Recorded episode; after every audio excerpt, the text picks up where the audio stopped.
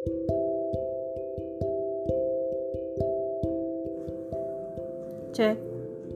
Assalamualaikum warahmatullahi wabarakatuh. Hmm, maafin suara sound motor yang lewat ya. Ini enggak lagi di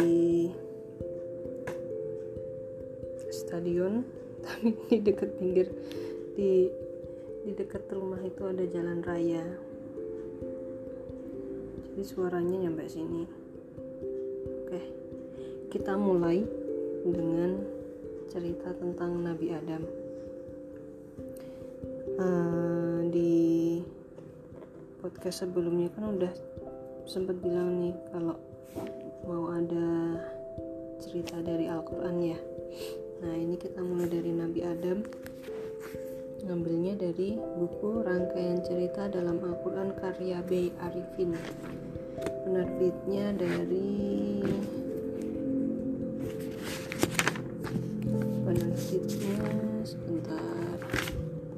Alma Arif Alma Arif Bandung. Ini cetakan ke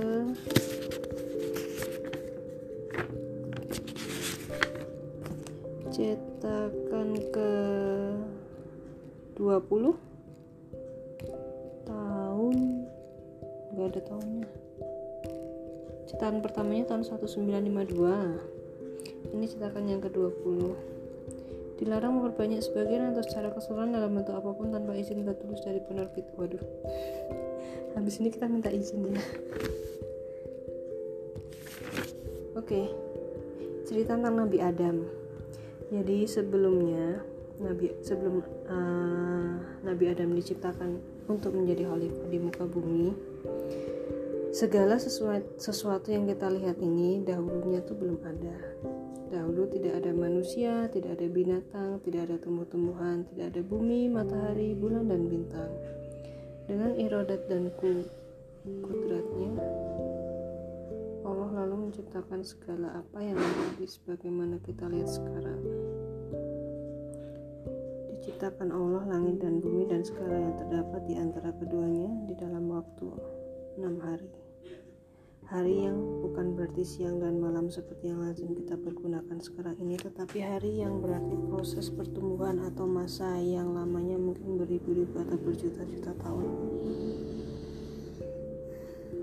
Bila berkehendak menciptakan sesuatu Allah hanya mengucap satu perkataan yang bersifat perintah yaitu kun yang artinya jadilah dengan mengucapkan kata kun itu, maka terciptalah apa yang dikehendaki Allah. Dengan cara begitu terciptalah bumi dan lautan dan daratannya, bergunung-gunung dan berjurang-jurang lengkap dengan tumbuhan-tumbuhan dan binatang-binatangnya. Terciptalah matahari dengan cahaya dan sinarnya yang terang cemerlang, bulan dengan sinarnya yang terang benderang dan bintang-bintang dengan cahayanya yang berkilauan. Semuanya beredar di angkasa raya dengan peredaran yang teratur menurut sunnah atau penetapan ilahi yang menciptakan dan mengaturnya bersimpang siur bekerja berkejar-kejaran. Kemudian diciptakan Allah pula malaikat-malaikat yang selalu patuh menjalankan segala perintah Allah yang menciptakannya mengerjakan ibadah dan tugasnya masing-masing yang sudah ditentukan Allah bagi mereka. Di antara mereka ada yang menjadi penjaga bumi, penjaga langit, menurunkan hujan dan ada pula yang menjadi pesuruh Allah sebagai perantara Allah dengan makhluknya. Selama bertugas, mereka selalu bertasbih menyucikan Allah.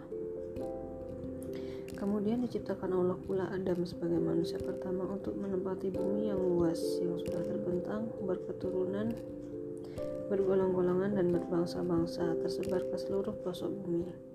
Manusia itu diciptakan Allah agar menyembah dan menyucikan Allah, lalu menjadi pengatur bumi yang teratur dengan bercocok tanam, memelihara binatang, mendirikan rumah-rumah, dan sebagainya. Allah memberitahukan kehendaknya ini kepada semua malaikat. Aku hendak menciptakan manusia agar menjadi pengatur muka bumi itu. Malaikat lalu menjawab, Apakah manusia yang engkau ciptakan untuk mengatur bumi ya Tuhan kami? Tidakkah manusia itu nanti akan merusak bumi dan berbunuh-bunuhan? Kiranya kami selalu patuh dan menyucikan engkau. Terhadap saran malaikat itu Allah lalu berfirman, Aku lebih tahu akan apa yang kamu tidak mengetahuinya. Allah lah yang lebih tahu rahasia apa yang terkandung dari kejadian manusia ini. Allah lah yang lebih tahu kenapa manusia yang diciptakan Allah untuk mengatur bumi, sekalipun Allah tentu sudah tahu pula bahwa manusia di permukaan bumi ini akan berbuat kerusakan, akan bersilang sengketa, akan berbunuh-bunuhan, menumpahkan darah. Tetapi janganlah sampai kita lupakan bahwa Allah juga tahu tidak semua manusia itu perusak, tidak semua manusia suka bersengketa dan berbunuh-bunuhan menumpahkan darah. Di antara manusia yang banyak itu ada yang selalu berbuat kebajikan terhadap sesama manusia, demikian pula berusaha untuk berjuang bagi keselamatan dan kebahagiaan hidup manusia. Setelah mendengar jawaban Allah yang pendek tetapi mempunyai arti dan maksud yang amat dalam itu, semua malaikat bungkam tidak ada lagi yang menjawab. Hanya berkata, berbisikan di antara mereka sendiri. Memang benar Tuhan kita maha mengetahui segala sesuatu.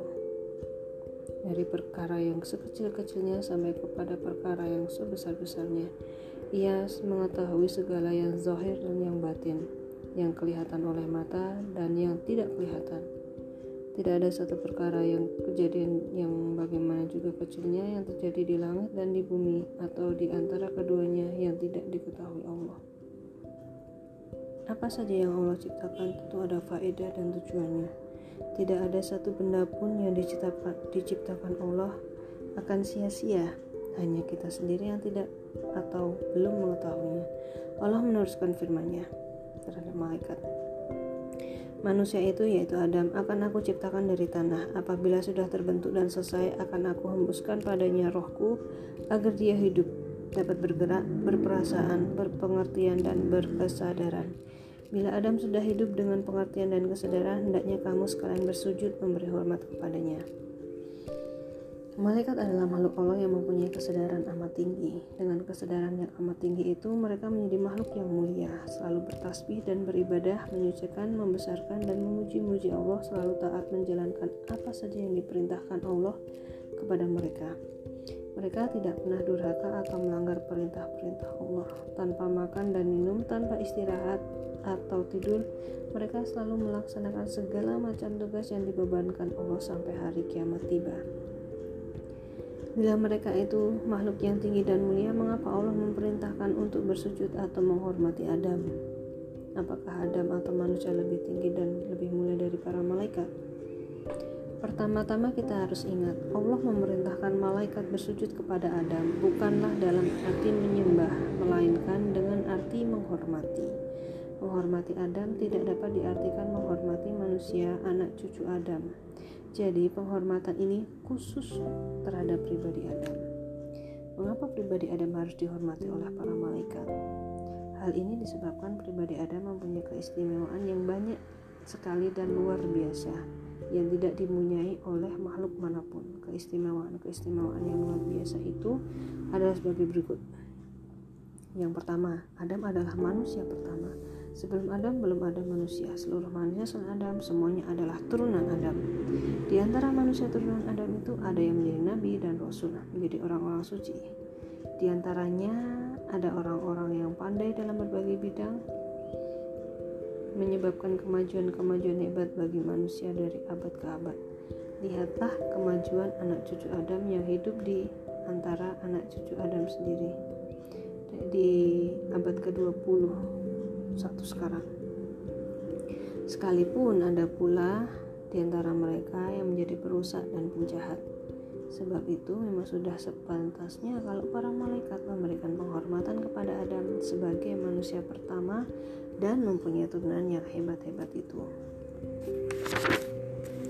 Kedua, Adam diciptakan Allah dengan tangannya sendiri, sedangkan makhluk-makhluk lainnya seluruhnya diciptakan dengan perkataannya. Bila Allah menghendaki sesuatu, ia hanya berfirman jadilah, maka jadilah apa yang dikehendaki Allah Subhanahu taala. Hanya Adam yang Allah ciptakan dengan kedua tangannya. Demikianlah menurut Al-Qur'an, sedangkan menurut hadis, Adam juga arsnya dan surga surga Eden yang diciptakan Allah dengan tangannya. Maka sudah sebatasnya kalau para malaikat diperintahkan Allah untuk menghormati Adam. Karena ia diciptakan Allah dengan tangannya, Adam sungguh-sungguh suatu makhluk terhormat dan tiada teranya di alam ini. Selain manusia pertama yang diciptakan Allah dengan tangannya, Adam adalah seorang nabi, seseorang yang mendapatkan wahyu dari Allah. Menurut sebagian ulama, para nabi dan rasul memang sama derajat kemuliaannya dengan para malaikat. Bahkan ada di antara ulama yang berpendapat bahwa nabi-nabi dan rasul itu derajat kemuliaannya melebihi para malaikat.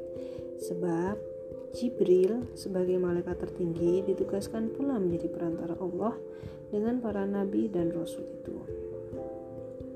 Keempat, seperti halnya para malaikat, Adam pun memiliki kesadaran dan pengertian akal, sehingga Adam dan turunannya dapat menyadari dan mengerti akan kebesaran Allah dan menciptakan dirinya dan seluruh alam, dapat menyadari dan mengerti akan perintah-perintah dan larangan-larangan Allah. Yang kelima, Adam atau manusia diciptakan Allah dalam sebaik-baiknya kejadian karena ia terdiri dari jasmani dan rohani sehingga ia menjadi suatu makhluk yang berperadaban dan berkebudayaan yang terus-menerus maju dan tidak. Yang keenam, Adam dan turunannya diciptakan Allah menjadi khalifah atau penguasa pengatur bumi. Sebagaimana Allah menciptakan malaikat sebagai khalifah di langit, jadi sebagai seseorang yang menjabat tugas tersebut harus menghormati pejabat lainnya saling menghormati antara satu dengan yang lain sebab sebagai pengemban tugas atau jabatan sekalipun berlainan sifat dan tempatnya tetapi sama kedudukannya sama-sama petugas manusia di bumi dan malaikat di langit. Karena menyadari akan kedudukan dan muliaan Adam para malaikat dapat mengerti akan perintah Allah untuk menghormati Adam.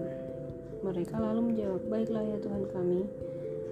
Kami dengar dan kami taati segala perintahmu Allah lalu menciptakan Adam dari tanah dengan tangannya sendiri berbentuk seperti kita sekarang.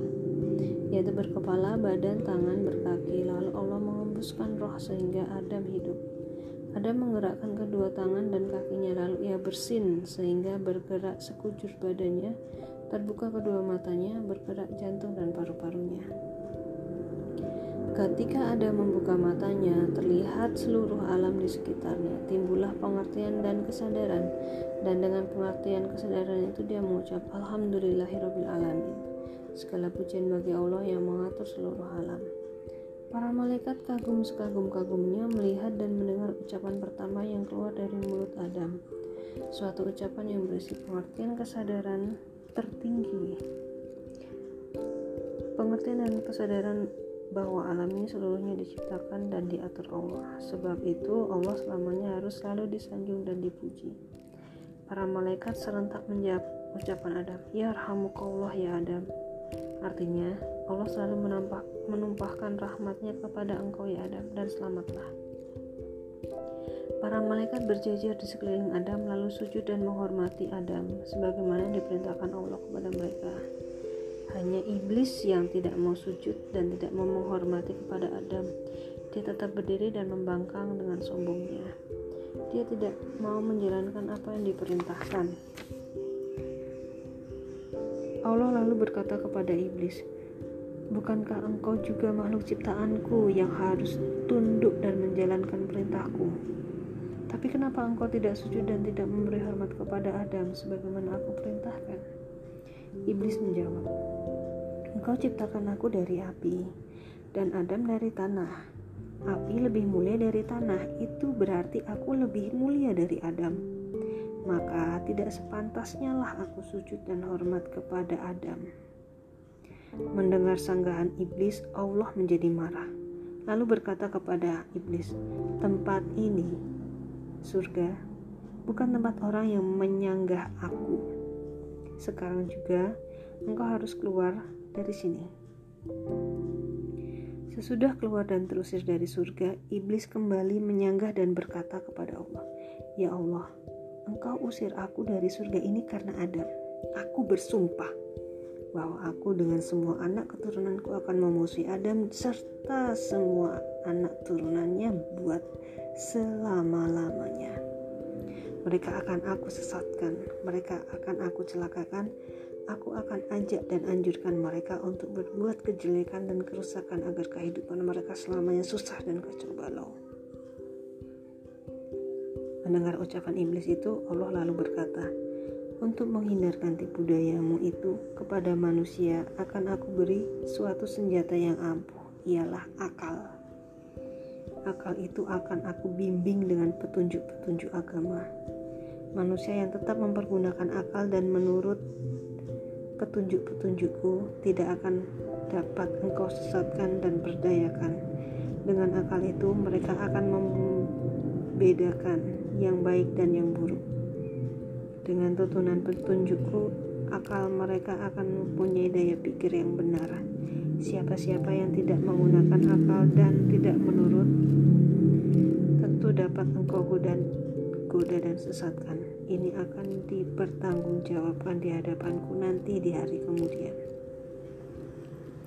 Mendengar keterangan, mendengar keterangan itu, iblis terdiam, tapi hatinya makin dongkol, iri, dan dengki terhadap manusia bertambah memuncak.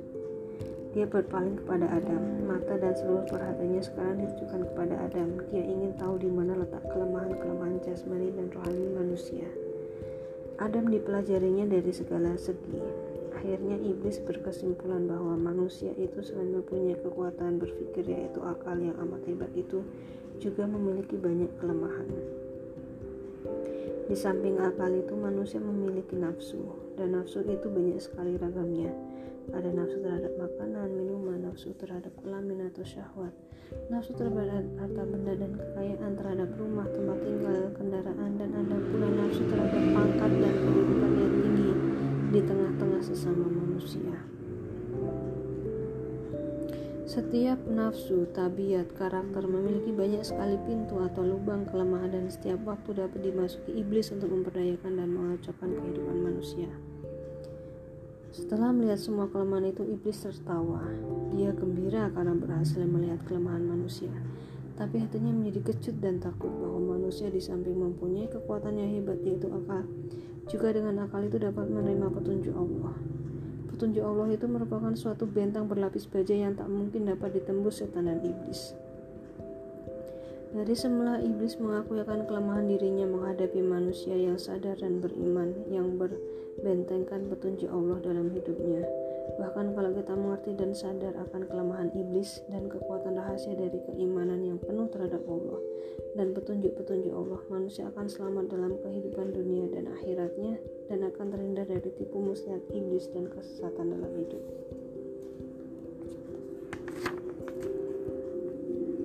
Iblis adalah suatu ke kekuatan gaib yang dapat disamakan dengan gelap. Sedang keimanan terhadap Allah dan petunjuk-petunjuk ilahi adalah pula suatu kekuatan gaib yang dapat disamakan dengan terang atau cahaya. Bila suatu tempat tidak dimasuki oleh cahaya, pasti tempat itu diisi oleh gelap. Bila tempat yang gelap itu dimasuki cahaya, pasti gelapnya lenyap. Begitu pula lah manusia sebagai tempat. Bila manusia kosong dari keimanan dan petunjuk ilahi, akan bersimara jari lala setan dan iblis atas dirinya. Tetapi bila manusia mempunyai keimanan di dada atas selalu disiram dengan petunjuk-petunjuk ilahi, segala daya iblis tidak akan mampu memperdayakannya. Allah mengajari Adam pengetahuan pokok untuk dapat hidup di permukaan bumi. Allah mengajarkan kepada Adam nama-nama dari tiap sesuatu untuk sekadar membuktikan kepada para malaikat bahwa manusia pantas menjadi khalifah di bumi dan pantas mendapat penghormatan dari malaikat. Allah lalu memanggil Adam dan malaikatnya supaya berkumpul. Kepada para malaikat Allah berfirman, Coba kamu sebutkan nama dari tiap-tiap sesuatu yang terdapat di permukaan bumi itu, sekiranya kamu mengetahuinya. Dengan merendahkan diri serendah-rendahnya, malaikat menjawab, Maha suci engkau ya Allah. Kami tidak mengetahui nama-nama dari semua itu. Pengetahuan kami hanya sekadar apa yang Engkau ajarkan kepada kami. Hanya Engkau sajalah ya Allah yang mengetahui segala-galanya. Allah lalu berkata kepada Adam, "Hai Adam, sekarang coba engkau sebutkan nama dari benda-benda itu semuanya." Dengan tangkas, Adam lalu menyebutkan nama dari tiap-tiap benda yang dihadapkan Allah kepadanya di hadapan semua malaikat. Kemudian Allah berfirman kepada malaikat, Bukankah aku sudah katakan kepada kamu sekalian, bahwa aku mengetahui apa yang tidak kamu ketahui tentang rahasia-rahasia langit dan bumi. Aku mengetahui apa yang kamu nyatakan dan apa yang kamu sembunyikan. Setelah itu Adam diberi tempat di dalam surga, makanan dan minuman tersedia serba cukup. Begitu juga dengan apa yang ia inginkan. Tapi sayang, Adam tinggal di surga seorang diri, sebantang kara. Tempat yang bagaimana juga bagusnya, makanan dan minuman yang bagaimana juga lezatnya, tidaklah memberikan kepuasan untuk kebahagiaan yang sempurna. Manusia membutuhkan teman sekalipun hanya seorang. Dengan siapa dia dapat mengemukakan suka dan dukanya atau kasih sayangnya? Teman inilah yang tidak dipunyai Adam sekalipun dia sudah mempunyai surga dan segala kesenangannya. Sebab itulah hidupnya selalu dalam kesepian. Allah tahu akan penderitaan dan berupa kesepian yang diderita Adam di dalam surga itu, dan Allah kasihan melihatnya. Oleh karenanya, Allah akan menciptakan makhluk baru yang sama dengan Adam, tapi jenis wanita, untuk menyempurnakan segala kekurangan dan kesepian dalam hidup Adam untuk menjadi istrinya. Dengan tujuan yang lebih tinggi ialah untuk meramaikan permukaan bumi, untuk membuat sejarah dan kehidup kebudayaan yang lebih menarik. Sejurus kemudian Adam mengantuk lalu tertidur. Dikala dia tertidur itulah Allah Subhanahu wa taala menciptakan manusia kedua, jenis wanita, istri Adam yang bernama Hawa. Setelah Adam terbangun dan membuka matanya, dia melihat seorang berdiri di sampingnya. Orang itu belum pernah dilihat Adam sebelumnya. Orang itu dipersilahkan Adam duduk di sampingnya dan kepadanya Adam lalu bertanya, "Siapakah engkau dan siapa namamu?" Hawa menjawab, "Saya adalah wanita dan aku belum tahu akan namaku sendiri." Bukan main senang dan gembiranya Adam melihat wanita itu dan berkata serta menggerakkan badannya. Engkau akan aku beri nama Hawa, artinya orang yang aku rindukan, kata Adam kepadanya. Para malaikat datang dan bertanya kepada Adam, siapakah nama temanmu itu ya Adam? Namanya Hawa, sahut Adam. Dengan istrinya yang bernama Hawa itu hilanglah kesepian dalam hidup Adam. Keduanya hidup berbahagia di dalam surga, aman, tentram, tak kenal takut dan lelah. Makan minum sepuasnya karena segala-galanya telah tersedia, tersedia serba cukup. Allah lalu berfirman kepada Adam, Hai Adam, tinggallah engkau dan istrimu di surga ini, makan dan minumlah sepuasnya, tapi awas, jangan engkau berdua memakan buah dari pohon ini. Bila engkau berdua memakannya, berarti engkau berdua melanggar perintahku dan akan mengalami kerugian besar. Dan berarti aniaya terhadap dirimu sendiri. Selain buah huldi itu, di dalam surga terdapat banyak dan beragam buah-buahan. Semuanya boleh dimakan oleh Adam dan Hawa. Hanya buah huldi itu saja yang dilarang Allah memakannya agar dengan larangan itu dapatlah Adam dan Hawa menahan hawa nafsunya. Dengan adanya larangan itu, Adam dan Hawa diuji tentang ingatan dan ketaatannya kepada Allah. Karena hanya dengan ketaatan inilah Allah dapat memberikan kesempatan bagi manusia untuk tetap tinggal di dalam surga, bersenang-senang dan bersukaria. Allah memberikan peringatan kepada Adam dan Hawa agar keduanya menjauhkan diri dari iblis.